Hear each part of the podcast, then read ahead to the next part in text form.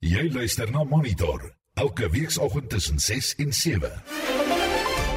In vanoggend se program koppel moet rol sê na hoe na verslag oor die brand in die parlement die vinger na die parlementêre beskermingsdiens wys. The report revealed exactly what we've been saying for all these years.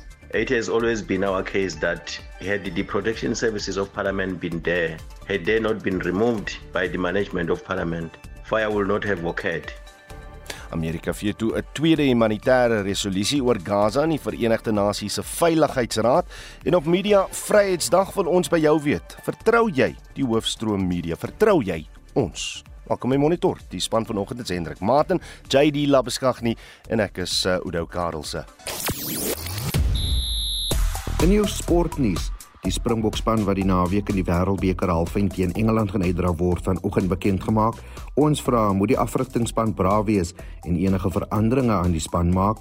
In cricket in Nieu-Seeland steeds op die wenpad by die Wêreldbeker in Indië en in golf vol Mickelson bekommerd oor die ooreenkomste tussen die PGA en die LIV Golf organiseerders. Hier is 'n tergende vraag. Glo jy die nuus wat die hoofstroom media organisasies publiseer of uitsaai of verlaat jy eerder op sosiale media vir jou inligting en hoe betroubaar is die media. Vandag 19 Oktober is Media Vryheidsdag. Dit het sy oorsprong in Swart Woensdag in 1977 toe die apartheidsregering eh, twee koerante, The World en Weekend World verban het, saam met eh, 'n hele ry organisasies. Vandag kan ons op media vryheid staat maak, maar kan ons glo wat die hoofstroom media ons vertel? Het jy vandag meer vertroue in die media as 5 of 10 jaar gelede? Praat bietjie saam op ons Facebook bladsy, stuur vir ons 'n SMS op die nommer 45889. Dit kos jou R1.50 per boodskap. Jy kan ook vir ons 'n WhatsApp stemnota stuur op die nommer 0765366961. Dis 10 minute oor 6. Die sekretaris van die parlement, Kolile George, sê die twee parlementêre geboue sou nie deur die brand vernietig gewees het as die parlementêre beskermingsdienste aan diens was nie. George het vrae van die media beantwoord nadat hy die verslag van 'n onafhanklike ondersoek na die brand vrygestel het. Die ondersoek is verlede jaar in opdrag van die voorsittende beamptes van die parlement gedoen. Die ondersoek het onder meer na moontlike sekuriteitsoortredings gekyk. George brei uit Do we think that Parliament will still be existing and standing had there been staff of Parliament not on leave, not on forced leave, and so on? And the answer is yes, because the detail of the findings uh, point out these areas, and it did contribute significantly to the vulnerability of Parliament. George sê die ondersoek het ook bevind dat 5 amptenare by die sekuriteitsoortredings betrokke kon wees. I did indicate that matters of pointing the extent of people involved and which officials identified is also subject of a further process. So this is merely indicating that when the investigation is done, X number of people may relate to that aspects, but it does not mean that from where we stand, we'll be able to say five officials are going for consequence management tomorrow. Those processes are part of how Parliament will then undertake further engagements around those matters, including engaging with affected employees. Nou het die verslag verwelkom, insluitend die ondersoek na wanadministrasie. Nou is se voorsitter in die parlement, Stembiso Tembe. We welcome the investigative report as presented by the Secretary to Parliament on the issue of fire that gutted the National Assembly and uh, the Old Assembly. We also welcome the report as it relates to other issues in Parliament, the issues of recruitment and interfering with the recruitment and selection process in Parliament. We also welcome the report in as far as it speaks about issues in the LSS, legislative sector support. Tembe sê die vakbond wil die onmiddellike skorsing van die geïmpliseerde amptenare sien. Uh, we are vindicated because the report revealed exactly what we've been saying for all these years. It has always been our case that had the protection services of Parliament been there, had they not been removed by the management of Parliament, fire would not have occurred. Even if it had occurred, the damage would not have been to this extent. So we're happy about that. What we're calling for now, we're calling for accountability, uh, we're calling for consequence management, we're calling for the immediate suspension and the charging of the responsible officials because in as much as the names were not revealed But we know because the secretary was able to reveal the numbers. So it means they do have the names. So we expect an immediate action in terms of suspending those officials and ensure that they are charged and face the consequences with immediate effect. We cannot wait anymore. We've been waiting for a long time. En dit was nou se voorsitter in die parlement, Stembiso Tembe, wat daardie verslag van ons parlementêre korrespondent, Mercedes Besent afgesluit het. Ek is Hendrik Martin vir SAK nuus. Gesinne se finansiële sake bly onder druk. Die jongste indeks van huishoudings se finansiële veerkragtigheid, uh, veerkragtigheid wat deur Altran Fintech gepubliseer is, wys dat die gemiddelde huishouding se finansiële situasie aan die einde van die tweede kwartaal van jaar aansienlik verswak het in vergelyking met die einde van 2021. Ons praat nou met Dr. Rolof Botha, die ekonomiese raadgewer van die Optimum Beleggingsgroep. Rolof, goeiemôre. Goeiemôre julle. Wat wys hierdie indeks vir ons en wat was die hoofredes vir die daling in die indeks? Ja, die indeks ehm um, is is saamgestel uit 20 verskillende aanwysers uh, wat elkeen direk of indirek verband hou met uh huishoudings se vermoë om inkomste te verdien. Uh en om uh, natuurlik bates ook te akkumuleer. En en wat dit toon is dat die meerderheid van die aanwysers uh, is nog negatief en dit het negatief begin raak na baie goeie herstel van COVID. Uh die oomblik toe die uh monetêre beleidskomitee van die Reserwebank besluit het om rentekoerse te verhoog. Uh en aanvanklik met die aanvanklike verhoging was daar miskien nie te veel foute vind nie. Inflasie was net bo kan die uh uh teikenvlak die boonste teikenvlak uh daai teikenvlak is 3 tot 6%. Dis graag hulle belê inflasie moet daar ergens tussen wees. Hy het 'n bietjie bo kan dit gestyg, maar toe hou hulle net aan en aan en aan om rentekoerse te verhoog. Ten spyte daarvan dat dit baie duidelik was dat daar geen vraaginflasie in die ekonomie was nie. En uit die aard van die saak het ek uh, uh, uitgewerk op jou gemiddelde verbandlening vir 'n huiseienaar in Suid-Afrika betaal hulle nou tussen 4 en 5000 rand 'n maand elke maand meer op hulle verbandlenings. En daar's geen rede daarvoor. Inflasie is nou weer op na 5,4%. Gaan dit nie verdere druk op die Reserwebank plaas om rentekoerse hoog te hou nie? Wel indien hulle nie hulle huiswerk doen nie, uh, dis nou die monetêre beleidskomitee nie, dan uh, sal hulle nou weer geneig wees seker om rentekoerse op te styg. Maar uh, daar is werklik geen rede daarvoor nie as mens bietjie gaan ontleed wat gebeur het met die nuutste inflasiesyfer. Dan is dit baie duidelik dat die groot sonnebok is die elektrisiteit die toename in elektrisiteit dit nou van Augustus en nou hierdie maand ook hy loop op 'n jaar uh, tot jaar toename van meer as 15%. Maar die belangrikste groepe in die verbruikersprysindeks se mandjie wat voedsel is en vervoerkoste saam amper 'n derde van die totale gemiddelde uitgawe van Suid-Afrikaners. Dit het baie mooi afgekom oor die laaste 6 maande. Die geneigtheid is beslis uh uh om laer Dis net ongelukkig as gevolg van hierdie elektrisiteitsverhoging wat nou gaandeweg in die volgende paar maande homself sal uitwerk uit die inflasiesyfer uit. So dit is werklik nie nodig nie. Ons het sit op die oomblik in Suid-Afrika met een van die hoogste reële rentekoerse in die wêreld.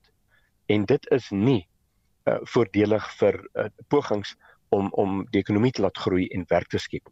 Dit was Dr. Rolf Botha, ekonomiese raadgewer van die Optimum Beleggingsgroep. Uiteenlopende standpunte het die eerste dag van openbare verhore aan uh, oor die wysigingswet op die onafhanklike polisie ondersoekdirektoraat gekenmerk. Die doel van die wysigings is om die onafhanklikheid van die direktoraat te beskerm wat die aanstelling van sy uitvoerende direkteur insluit. Sowel die staatsregsadviseur as die parlementsregsdiens meen die wetsontwerp voldoen nie aan die grondwet nie. Daar is kommer dat die minister steeds die mag het om die uitvoerende direkteur aan te stel. Die konstitusionele hof het egter beslis dat die dat die bepaling ongrondwetlik is. Die hof het in 2016 beslis dat die verwydering van die destydse hoof Robert McBride deur die minister ongrondwetlik was. Celine Merrington doen verslag. Die voorsitter van die komitee, Albert Siabi, sê hulle is bewus van die kommerwekkende kwessies rondom die wysiging. Much have been said about clause 4 of the amendment bill and as a committee we are fully aware of the constitutional defects of the clause. The matter has been canvassed during various portfolio committee meetings. It is a regrettable situation, but the ministry has stated their case and has acknowledged the deficiencies. As a committee, we have noted the reasons put forth by the ministry and decided to process the amendment bill and not to close the door on this important debate. In upholding our mandate, the deficiencies in clause 4 will be rectified. 'n Verteenwoordiger van die African Policing Civilian Oversight Forum, Sean Tate, sê die kwessie oor wie salarisse betaal kan ook 'n impak op onafhanklikheid hê. We don't agree with the changes to section 23 which allows for the salary determined by to be determined by the minister in consultation with the minister of finance. We are concerned that this will also undermine the financial independence of IPID We know that Section 23 had originally been included to ensure that IPID investigators' salaries and benefits were on a par with SAPS detectives. 'n Aktivis en navorser, professor Mary De Haas, meen Oopot het met talle probleme te doen, soos politieke inmengery, te min personeel en 'n gebrek aan voldoende kwalifikasies. Sy sê die wysiging misluk in sy poging om onafhanklikheid te versterk. Okay, there's a need for independent oversight, and this bill does not provide it for reasons I will go into. You know, independence means governing norms about loyalty. The loyalty is not to a person, it's to your institution. An institution is a relationship of norms, you might say, people adhere to. And those norms are impartiality, record keeping, transparency, and your loyalty is to your organization, which is completely independent of a political organization. Who can't give independence in its present form. I thought, and this is why I said in my initial reaction to it to Parliament, it's actually to people's intelligence to try and claim that this gives independence, because when it is so patently obvious it's not giving independence as required by the Constitution Die spreker van die onafhanklike polisieeringseenheid van Suid-Afrika, Mpo Konika, sê Oopot het nie altyd die onpartydigheid wat nodig is om polisielede te ondersoek nie. The IPD Act must have the establishment of a professional police association or an ombudsman to give relief to members of the service or public who are let down by IPD. International benchmark supports that. Die komitee sal volgende week voortgaan met openbare verhore waarna die komitee al die voorleggings sal bespreek. Zelene Merrington, Parlement. Aktiviste in Suid-Afrika eis 'n verskoning en vergoeding van die Nederlandse regering vir die koloniale verlede. Die sentiment word geuiter terwyl die Nederlandse koninklike egpaar op 'n staatsbesoek aan Suid-Afrika is. Koning Willem-Alexander en koningin Maxima sal gesprekke met president Cyril Ramaphosa as ook die Wes-Kaapse premier Allan Windey voer. Ons praat met die voorsitter van die Kaapse Forum, Hendrik Weingart. Hendrik, goeiemôre. Môre Ido en dan ook môre aan die luisteraars. Mark Rutte, die uh, eerste minister in de, uh, in Desember verlede jaar om verskoning gevra vir slawerny en ook oor die impak wat dit op die meer as 4 miljoen mense gehad het en op die impak tot op hede op hulle afstammelinge. 200 miljoen euro is uh, ook beskikbaar gestel vir bewussyns- en opvoedingsprojekte om rasisme te bekamp.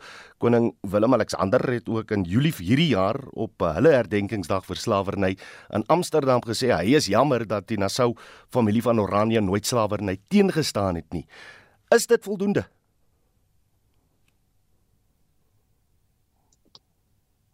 Heinrich? Ehm um, ek kon nie die laaste deel hoor nie. Is dit wat? Het, is dit voldoende? So dis moeilik om te bepaal presies wat sou as voldoende beskou word, Oudo. Maar dat die inisiatief, die apologie met ander woorde uit Nederland self gekom het van die Nederlandse regering en dan ook later die koning is vir jou 'n aanduiding dat daar 'n besef is by die Nederlanders dat dit nodig is om regstelling toe te pas om apologie aan te teken. So dit is iets wat 'n mens moet verwelkom. Hmm. So so wat is dit wat julle van die koninklike egpaar hier in Suid-Afrika wil sien op hulle staatsbesoek? Daar's 'n verskil tussen verskoning maak deur ver in jou eie land en om verskoning aan te teken in die land waar 'n land waar jou ehm um, heerskappy groot skade spesifiek aan inheemse gemeenskappe aangerig het waar dit uiteindelik verantwoordelik was vir die uitwissing van sodanige gemeenskappe. Sê my, hoe, hoe koppel mens byvoorbeeld 'n geldwaarde aan die wins wat uh, die Nederland uit 250 jaar se kolonialisme gemaak het en en hoe sal vergoeding lyk volgens jou? So vergoeding moet 'n rol speel in die sal ek dit noem heropbou van die afstammelinge, die gemeenskappe wat nakommelinge is van die soos dokter Willa Boesak dit noem slaafgemaaktes en dan die inheemse gemeenskappe. Dit is moeilik om geldwaarde daaraan te koppel en mense hoop dat die Nederlandse regering um kyk wat binne hulle vermoë is en dat daai geld dan plaaslik bestuur word deur mense wat weet hoe om op 'n manier wat spreek van integriteit en verantwoordbaarheid om te gaan met die bestuur van sodanige fondse. Ons het in Suid-Afrika vele vele truste of ja, trusts wat wat begin het deur deur mense in die verlede wat gesê het hulle wil geld bemaak, sê nou maar vir die bevordering van Afrikaans. En dit is 'n soortgelyke model nodig sodat dit nie net die huidige generasie is nie, maar ook toekomstige generasies in die brein gemeenskappe wat voordeel daaruit kan trek. Ons moenie die fout maak dat sulke geld soos wat in Namibië gebeur het hmm. met die Duitsers se se se vergoeding daar in die hande van die regering beland ongeag wie die regerende party is nie. Dit moet deur die gemeenskappe self gedoen word. Ek wil ook net asseblief sê Oudo dat daar is 'n geneigtheid um, spesifiek onder ons Afrikaner um, ge, uh, landsgenote om wanneer daar so 'n kwessie te sprake kom te sê hoorie maar vergeet van die verlede en en nou op bakkant staan. Ek, ek dink dis 'n oningeligte of onsensitiewe benadering. 'n Mens moet die mense wat die slagoffers is, die geleentheid gee om te sê hoe hulle reken daar reggestel moet word. En dit beteken nie Afrikaners moet verantwoordelikheid aanvaar vir wat die Hollanders hier gedoen het nie. Sê my hierdie besoek deur die uh die die die egpaar gaan hulle enigsins besoek af lê in gemeenskappe waar hulle eintlik om verskoning kan vra. So wat ons weet is dat die koninklike egpaar wel by die Apartheidsmuseum in Johannesburg en by die Vryheidspark in uh, in in Pretoria gaan besoek af lê en dan ook die slaweloosie. Die slaweloosie kan vir jou 'n klomp verhale vertel van presies wat gedoen is by daai loosie en by die wat toe die slawe boom was om met draai en waar ons vandag net so 'n stukkie sementblad sien waar jy oor jy baie vinnig kan stap sonder dat jy agterkom. Daar het eens 'n boom gestaan waar slawe verkoop is. En en as 'n mens nie op 'n sigbare wyse soos met besoeke aan gemeenskappe sê nou maar op die Kaapse vlakte vir die koninklike egpaar gaan wys wat presies die verlede gedoen het aan daai gemeenskappe nie. Dan sal hulle ook nie heeltemal 'n idee het nie maar nou kan 'n mens ook dan sekerlik redelikerwys nie verwag dat die koninklike egpaar oral moet uitkom nie. Jou gevaar met so 'n besoek is dat dit baie maklik opgeneem kan word in die jy weet in die in die hele in die narratief van dat ehm um, swart Suid-Afrikaners voorkeur moet geniet ook wanneer daar so 'n besoek afgelê word en dit is wanneer inheemse gemeenskappe of verteenwoordigers van sodanige gemeenskappe hulle stemme moet laat hoor. Dit was die voorsitter van die Kaapse Forum, Heinrich Weingart. Wêreldnuus. Amerika se president Joe Biden het Israel gister besoek om die VSA se ondersteuning aan Israel in die oorlog teen Gaza te betoon. Biden en sy eweknie van Egipte Adal of Abdel Fattah al-Sisi het eh, gister 'n ooreenkoms bereik om 'n humanitêre korridor oop te stel om 20 vragmotors met hulpmiddels soos kos, water en medisyne in Gaza aan te laat. Estie de Klerk het vir ons meer besonderhede. Nou die humanitêre korridor sal na verwagting môre by die Rafah kruising in Gaza oopgestel word wat die mees suidelike deel is om Gaza te verlaat wat ook aangrensend is aan Egipte se Sinai skiereiland. In die stadium is dit die enigste punt waar die humanitêre hulp in Gaza ingelaat kan word nadat Israel alle ander grense tot in die Gaza strook gesluit het. Biden is deur joernaliste uitgevra of mense ook by die punt toegelaat sal word om Gaza te verlaat, waarop hy geantwoord het: "Mense sal die geleentheid gegee word om die land te verlaat, maar hy kan nie in die stadium enige besonderhede bekend maak nie." Nou hoewel kos, water en medisyne by die hulp ingesluit is, word brandstof nie verskaf nie. Biden het Israel besoek die oggend nadat 'n hospitaal in Gaza Dinsdag aand deur 'n missiel getref is en meer as 400 mense dood is. Volgens plaaslike owerhede is 471 mense in die reuse ontploffing by die hospitaal dood waar talle Palestynse burgerlikes ook geskuil het. Hamas het Israel aanspreeklik gehou vir die aanval op die hospitaal, maar Israel het enige betrokkeheid ontken. Daar is later vasgestel dat die aanval geloods is deur 'n ander terroriste groep, die Palestynse Islamitiese Jihad. Hier is president Biden. We mourn the loss of innocent Palestinian lives like the entire world. I was outraged and saddened by the enormous loss of life yesterday in the hospital in Gaza. Based on the information we have seen to date, it appears the result of an errant rocket fired by a terrorist group in Gaza. The United States unequivocally stands for the protection of civilian life during conflict, and I grieve, I truly grieve for the families were killed or wounded by this tragedy. en is die FSA se president Joe Biden. Maar vra word steeds gevra oor die FSA se ondersteuning aan Israel, berig die BBC se Jeremy Bowen. Joe Biden's presence here will only deepen the conviction among Palestinians and millions of other Arabs that America isn't just on Israel's side, but that it's also complicit in everything Israel is doing in Gaza, including killing civilians. Until the Hamas attacks on Israel, President Biden dreamt of transforming the Middle East. The Americans were negotiating with Saudi Arabia and Israel to try to get the two countries to recognize each other. That is not on the agenda anymore. En dit was die BBC se Jeremy Bowen. Nou ander Amerikaanse senators het ook met Israel se eerste minister Benjamin Netanyahu en sy oorlogskabinet vergader. Hulle het ook besoek afgelê by families wie se familielede deur Hamas ontvoer is en as gijslaers aangehou word. Een van hulle was senator Bill Cassidy.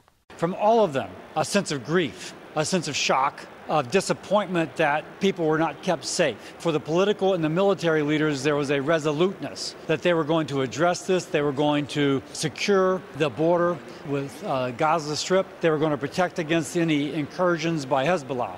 From the family members, they were kind of unfortunately buffeted by events. And there was an incredible sense of tragedy, but they still were hopeful. One woman said, It's hard to imagine that good news is that you hear that although his, your son has lost an arm and he's being held hostage by Hamas in Gaza, hmm. the good news is that he's alive. En dit was die Amerikaanse senator Bill Cassidy. Sedert Hamas Israel binnegeval het, is 1300 mense in Israel en 3500 mense in Gaza reeds dood. Nou die Suid-Afrikaanse ambassadeur vir die Verenigde Nasies, Matu Juni, uh, sê Israel pleeg oorlogsmisdade en moet verantwoordelik gehou word by die internasionale strafhof. Die VN se Veiligheidsraad kon nie twee humanitêre resolusies so goedkeur nie, maar tydens 'n tweede sessie in die Veiligheidsraad is 'n gesprek gevoer oor die aanval op die hospitaal in Gaza. Is Joini. Mr. President, South Africa calls on the international community to end its indifference to the gross violation against the Palestinian people in Gaza, and for the UN, UN Security Council to take enforcement action to halt the unfolding genocide. And we regret that the Security Council once again was not able to adopt a basic resolution on the humanitarian resolution in Palestine. En dit was die Suid-Afrikaanse ambassadeur vir die Verenigde Nasies, Matu Joini. Nou ons hou verwikkelinge in die storie dop. En dit was Estie met 'n oorsig oor die situasie in Israel en Gaza. Ons bly by verwikkelinge in en rondom die Midde-Ooste en praat nou met die hoof van internasionale betrekkinge by die Solidariteit Beweging, Jaco Kleinhans. Jaco, goeiemôre. Goeiemôre Oudo. Kom ons begin net by die resolusie. Die keer eh, was dit die FSA uh, wat dit geveto het. Uh tog het Blinken gesê Biden gaan Israel toe om 'n humanitêre plan te beraam vir wat deur die oorlog geraak vir die wat deur die oorlog geraak word.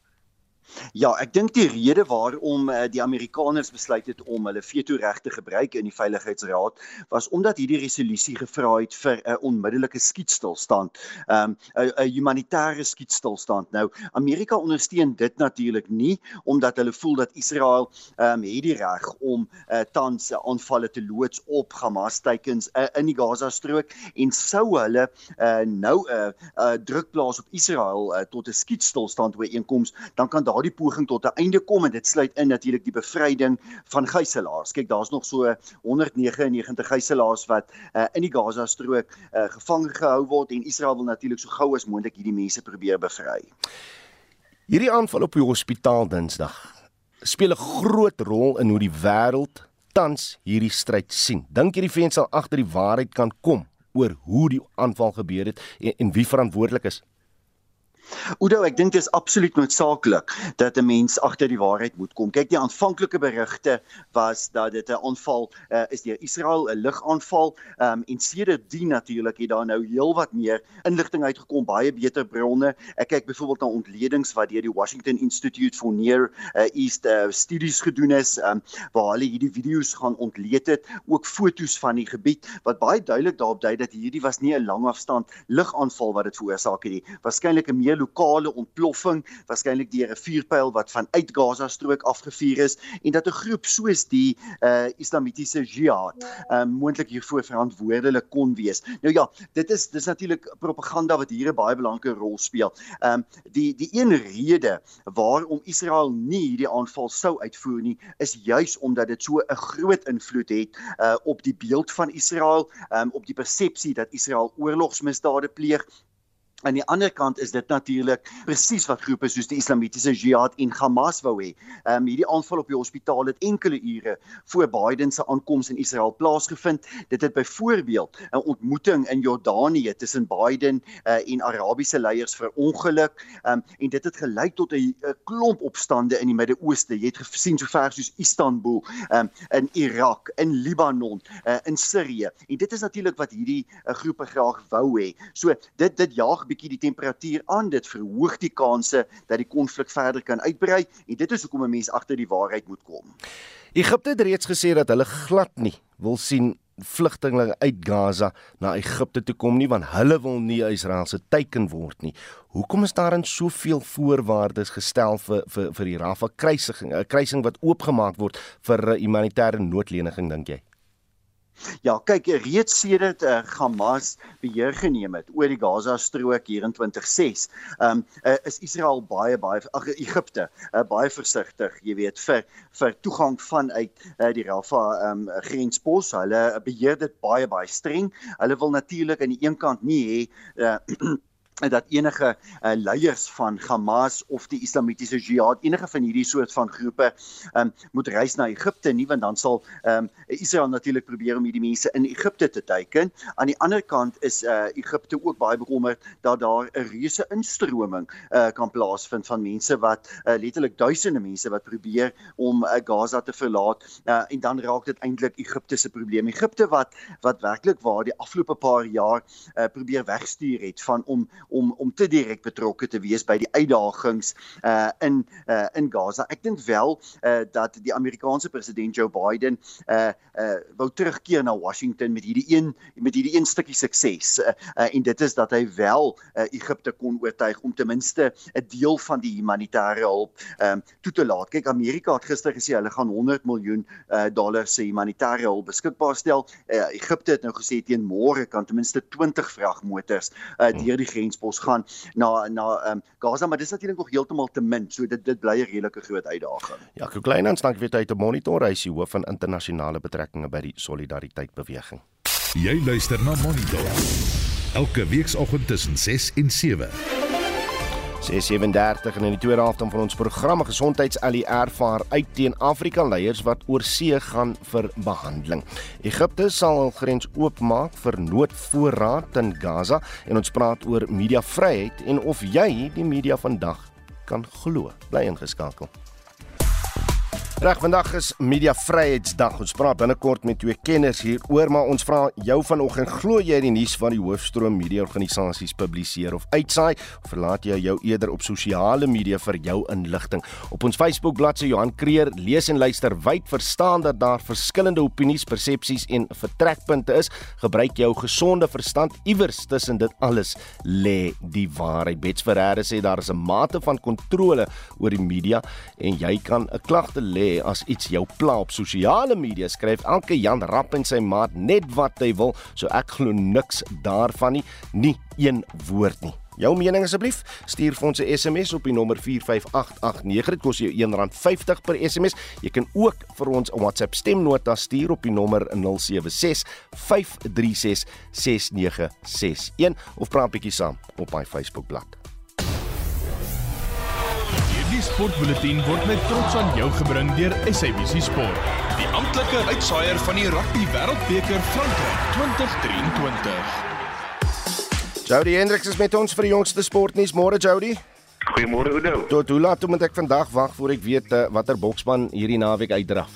So 'n bietjie meer as uh, wat is dit nou 2 uh, ure. Aan die omgewing van 9 uur vanoggend dan gaan uh, die afrigter Jacques Ninaber sy span bekend maak vir die belangrike wedstryd teen Engeland. Nou lees uit die bokkamp is dat hulle nog 'n bietjie kopkrap oor die buitesenter posisie met Jessie Kriel, Lukanya Am en Kainan Moody wat oorweeg word vir die kragmetings in Engeland. Uh nie sê die Engelse span is dat Marcus Smith dalk die wedstryd uh, met 'n beseer kan misloop, maar kaartjies ook nog nie uitverkoop nie. Oudou 2000 sitplekke beskikbaar by die stad de France teen so wat 10000 rand per kaartjie as jy die wedstryd wil gaan kyk. Ek sien heel wat Suid-Afrikaners is nou so toe hierdie week. Sê vir die vroue nasionale span is ook die naweek in aksie, né? Ja, hulle speel op die Athlone Stadion nou teen Italië. Louis Koen vier veranderinge gemaak met Sindisiso Boy wat op 'n slot begin haar 39 se toets, 'n rekord vir die vroue springbokke. Dandre Dolf gaan op vleuel uitdraf met Minka Gunter en Kente Jacobs wat op flank en hakker onderskeidelik in die wedstryd teen Italië op Athlone Stadion Vrydag gaan begin. Na cricket toe en die Nieu-Seeland span is net gemaak vir die Wêreldbeker, né? Nee? Ja, hulle het al 100% wenrekord by die toernooi bou toe vir Afghanistan met 'n 149 lopies. Se klop het die swart pette eerste golf 288 vir 6 aangeteken Glenn Phillips al beste kolwer met 71 lopies en Afghanistan kon toe net 139 en nou weer aanteken en dan uh, die wedstryd vandag is die gasheer Indië wat teen Bangladesh te staan kom. Indië ook 'n 100% wenrekord en gaan kyk of hulle op daardie sukses kan voortbou. Reg golf toe en daar is vrees dat meer spelers by die Live Golf reeks kan aansluit. Ja, dis die mening van die voormalige wêreldnommer 1 Phil Mickelson hy sê alhoewel daar 'n samesmelting ooreenkoms tussen die PGA en Live Golf is wat aan die einde van die jaar in werking gaan tree, is daar nog heelwat spelers wat vir hom bel wat by Live Golf wil aansluit wat dit moeilik gaan maak vir die PGA veral omdat daar so baie geld in Live Golf is. Nou, as hy een gelyk op uitslag teen uh, Ivoorkus, uh, die Ivoorkus en nou het Hugo Broos groot planne en hier op tuisbodem was daar drama want Sundowns het verloor. Ja, die afrigter van van die Hugo Broos se volgende mandaat is om vir die Wêreldbeker in 2026 te kwalifiseer. Hulle kom volgende maand in wedstryde teen Benin en Rwanda te staan. Hulle is in groep C en moet ook nog teen Nigerië, Lesotho en Zimbabwe speel. Dan gisteraand drama soos jy gesê het met Tees Galaxy wat in die Carling Black Label beker vir Sundowns geskok het. Na ekstra tyd was die wedstryd 2-1 en moes met strafdoele bepaal word wat Galaxy toe 5-4 geseëvier het. Ook dissipline groot gesprekspunt in die wedstryd eh, met 'n duikslag op 'n parke wat baie reaksie op sosiale media ontlok het. As hy Jody Hendricks van RSG Sport. Nou, Suid-Afrika se direkteur van rugby, Rassie Erasmus, hy verwag 'n uh, vergeldigingssending van Engeland wanneer die twee spanne mekaar Sondag aand in Parys, Frankryk pak. Die Springbok het Engeland in die 2019 eindstryd geklop en al twee spanne is gelaai met spelers wat deel van daardie wedstryd was. Engeland lek steeds hulle wonde 4 jaar later, wat 'n motivering sal wees vir Sondag. Engeland was in 2019 die gunsteling, maar dit beteken nie veel in enige wêreldbekerwedstryd nie. Die slag is dit dalk die bokke wat die gunsteling is as gevolg van hulle hoër posisie op die wêreldranglys. Hier is Suid-Afrika se direkteur van rugby, Rassie Erasmus. It, it's just it's just normal. I mean, we've played them since the 2019 World Cup. Uh, we've played them. Uh, I think it was Eddie's last game. We played them, and it's something that will always hurt when you lose a World Cup. When I was a player and we lost the World Cup against Australia, uh, you know, the next couple of games you play against Australia, you always think of, yes, you guys took it away from us, you know, and I guess England will feel like that. You guys took it away from us and uh, we would like to take it back. And, and that's the excitement. I'm not saying that in a negative way. I, I feel that's how professional sport are. You want to rectify problems, you want to make your country proud, you want to make your people proud, you want to make your team proud. And I think that's what the English team will will have to be like. I mean, they will definitely not come come there and say, "Hey, come and do it again to us." You know, they will they will definitely fight till the end. Die spelers berei voor vir 'n allemintige fisieke aanslag. Hier is die Springbok losskakel, Andrei Pollard. Absolutely, and of course that's that's the case. I mean, you could see on their faces four years ago the disappointment. Um, I've been part of a squad that's fell out in a, in a semi-final in a, in a World Cup, and it sits with you the rest of your life. There's a lot of things you look back and regret, and maybe thought that you could have done differently. And uh, I'm sure they'll come with that mindset this weekend. I think they'll be ruthless. I think they'll take their intensity and physicality to a whole new level. But that being said, we're prepared for that. We're ready for that, and, we enjoy that. That's always a part of the game that we love. And if there's going to be beef, it's going to be beef. It stays rugby. It's 80 minutes, and we've got to just go out and play the game. Die Springbokke gaan hulle span bekend maak na Engeland se span aankondiging. Ek is Harry Olivier in Johannesburg.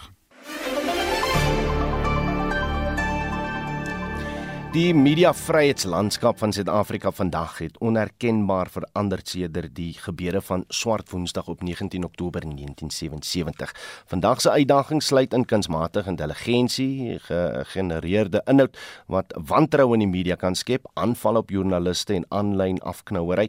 Die kwessie wat steeds van die apartheids daaroor bly is interdikte teen publisering, hoewel regters gereeld aan die kant van die grondwet en mediavryheid uitspraak gelewer het.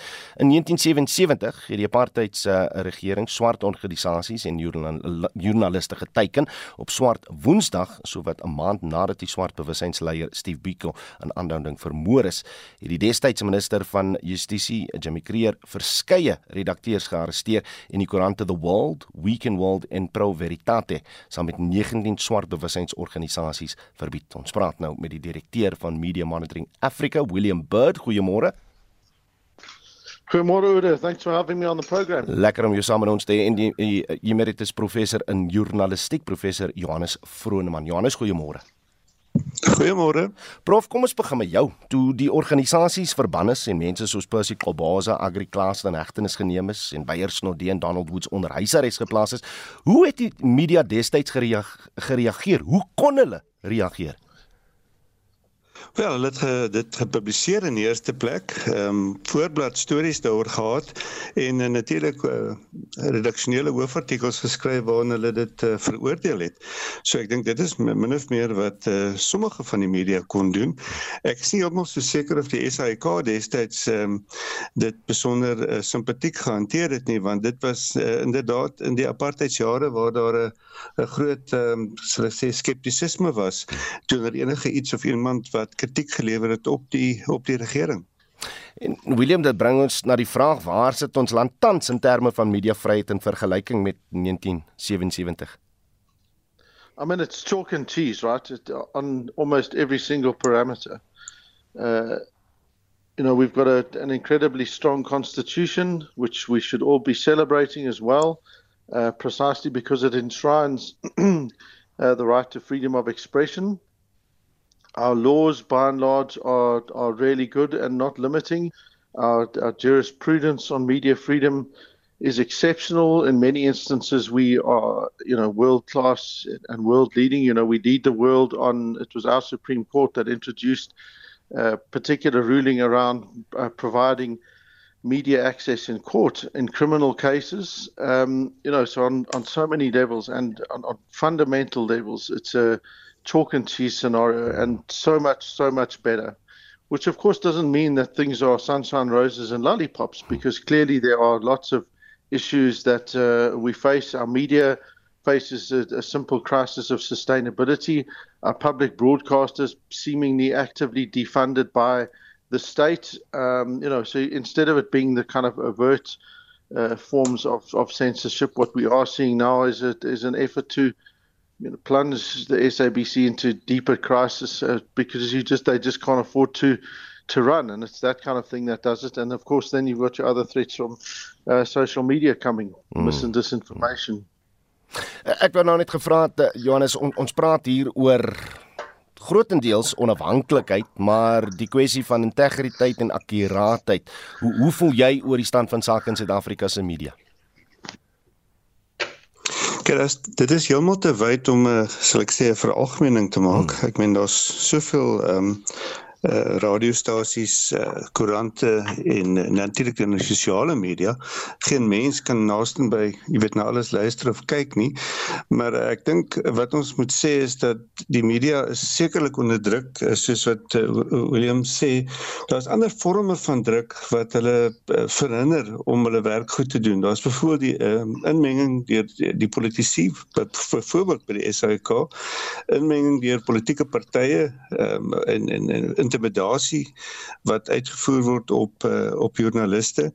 So dit is uh, sekerlik nie um, altyd maklik nie, maar ek dink oor die algemeen as jy as jy wyd lees en wyd kyk en wyd luister, dan word jy 'n deksel se goeie idee te hê van wat aangaan. Hmm. En ek dink ons moet daai punt nooit vergeet nie. Ons het uh, tog 'n redelik diverse media, maar nie divers genoeg nie.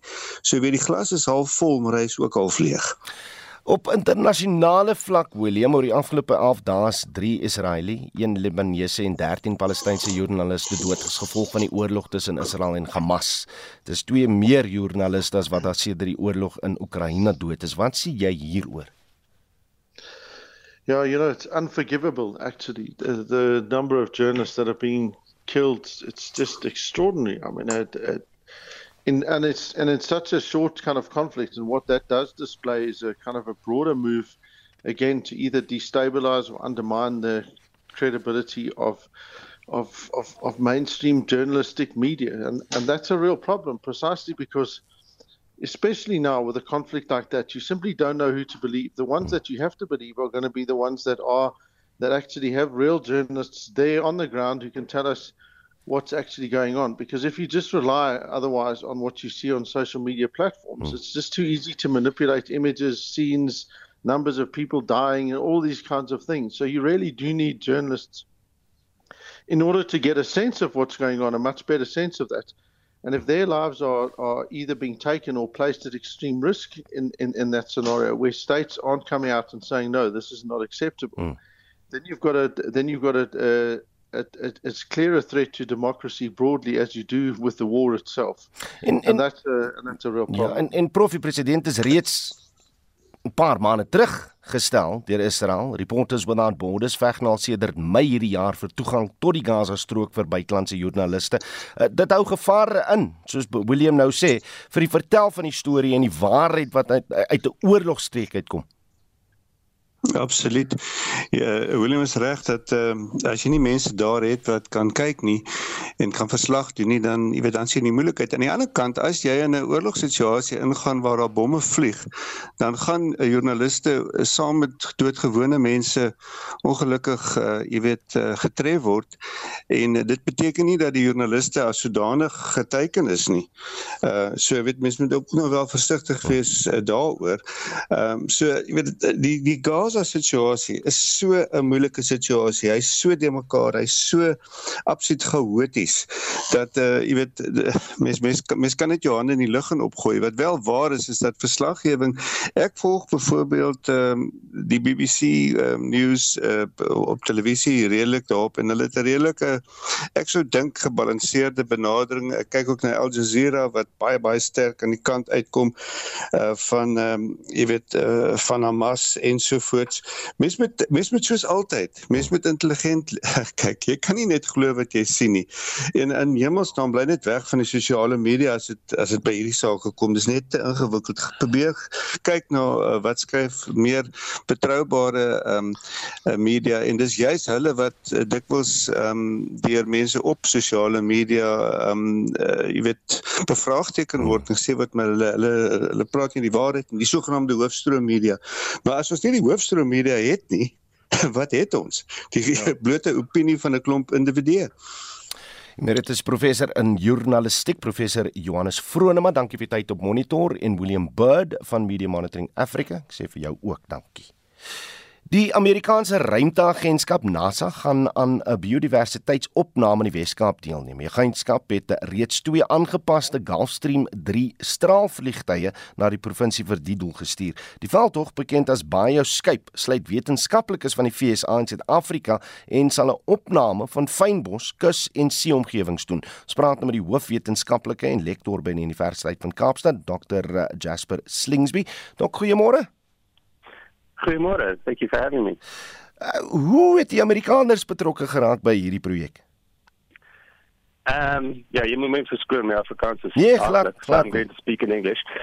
Um, otherwise you won't understand me. But um, yeah, essentially this, the project started in, in America. Um, it, it started with NASA. They're busy developing sensors that they are planning to eventually launch on satellites to do global biodiversity monitoring. Um, so they put out a call for proposals for a, a biodiversity focused campaign somewhere in the world, and we proposed uh, the Cape as a focal region, and they and they went for it. Hoekom is hierdie sensors belangrik? Um, I suppose they're just very different. They're giving giving us so much more information than than we would get from a normal uh, photograph, for example. So a photograph will give you uh, it gives you three different types of information. You get red, red, green, and blue, and you can put them together into a color, color image. Mm. Um, but with the sensors that we're using now, you're getting over 400 different kind of colors, if you like, and they extend from you know from within the UV like uh, before visible light out into near infrared and shortwave infrared. So much more than we can see with the human eye. So every kind of point on the ground, you're getting 400 plus pieces of information rather than just the three you would get with a color image. Hoe kom jy in die Weskamp en, en hoe gaan dit met natuurbewaring help? So here, because it's just so ridiculously diverse, um, you know, we proposed uh, this region to NASA because there's so much biodiversity and so much varied biodiversity. Um, you know, really is a, a, a kind of subsample of what you would find all over the world. We've got patches of forest, we've got kind of desert-like environments, we've got fernbos shrublands, we've got succulent crew shrublands. So, so it really is a, a good challenge in a, in a small compressed area. Um, and so our pitch to them was um, essentially that if you could do it here, you can do it anywhere in the world. Um, ja, ja. ja. En, en hoeveel Suid-Afrikaners gaan nou betrokke wees by hierdie projek? So there's over 150 scientists involved, um, and roughly half and half American and South African. So as ek reg is, gaan julle nou lekker vir die volgende paar maande rondrits in in die Gulfstream 3 straalvliegtuie. Ja. is is dit hoe dit gaan werk? Um, essentially, yeah, every day we are having kind of weather calls. We've got a bunch of focal sites that we want to do, so we're not going to be able to fly and, and, and create uh, generate data for everywhere in the Cape. Um, but we've got focal areas to answer different questions. Um, but the big challenge is weather. So if the clouds, if it's cloudy, obviously we, we don't get much data at all. So we want to avoid clouds. Um, and then we're also working in aquatic environments like dams and uh, and in the sea, and there glint is a real issue. So the reflection of the sun. So you really can only fly at certain times of day when you can get the right angle relative to the sun, that you don't get too much uh, glint back on the sensor. Um, and then things like swell size and wind direction, all that kind of thing comes into play as well. Because if it's too choppy, then you get lots of glint. And so, so yeah, it's going to be. Uh, we, we will be having fun flying backwards and forwards over the Cape, but we're also going to have a challenge working out exactly where that's going to be each day. Sa geleentheid is om saam te vlieg. Uh, laat weet, laat weet daar sê dit was die hoofwetenskaplike en lektor by die Universiteit van Kaapstad Dr Jasper Slingsby. Reg, vandag is 'n uh, media vryheidsdag en ons wil weet glo jy die nuus wat die hoofstroom media organisasies publiseer of uitsaai, verlaat jy jou eerder op sosiale media vir jou inligting? Hoe betroubaar is die media in jou mening? Op Facebook sê Gideon Erasmus sosiale media is meer betroubaar in vandag se tyd. Gisteraand na die aanval of 'n aanval op die hospitaal in Gaza luister ek na die 9 uur nuus en dan word Israel beskuldig as die uh, as die een wat verantwoordelik was sonder deeglike navorsing word dit so uitgesaai. Uh, Rosalina Rulida Brein sê die meeste is propaganda en uh, leuns. Ondersoek als eers wat ons wo word beheer deur kriminele en misdaadsyndikaate. Nou, hoe gaan jy hierdie ondersoek instel? By wie gaan jy uitvind wat die waarheid is? Dit sal ek bitter graag wil weet. Miskien kan jy vir ons nog so 'n boodskapie stuur op Facebook of jy kan saampraat op ons uh, SMS lyn, die nommer daar 45889. Dit kos jou R1.50 per boodskap en ek is seker ons gaan 'n paar van julle stemnotas op Spectrum vanmiddag tussen 12 en 1 hê. So stuur gerus nog daarvan na 076 536 6961. Ons groet dan namens ons uitvoerende regisseur Nicoline de Wee, ons redakteur vanoggend is Hendrik Maat en ons produksieregisseur is JD Labeskagni en ek is Oudo Karel se op en wakker is volgende Geniet die res van die dag in die geselskap van RSG. Ek is môreoggend weer terug op Monitor tussen 6 en 7. Totsiens. thank you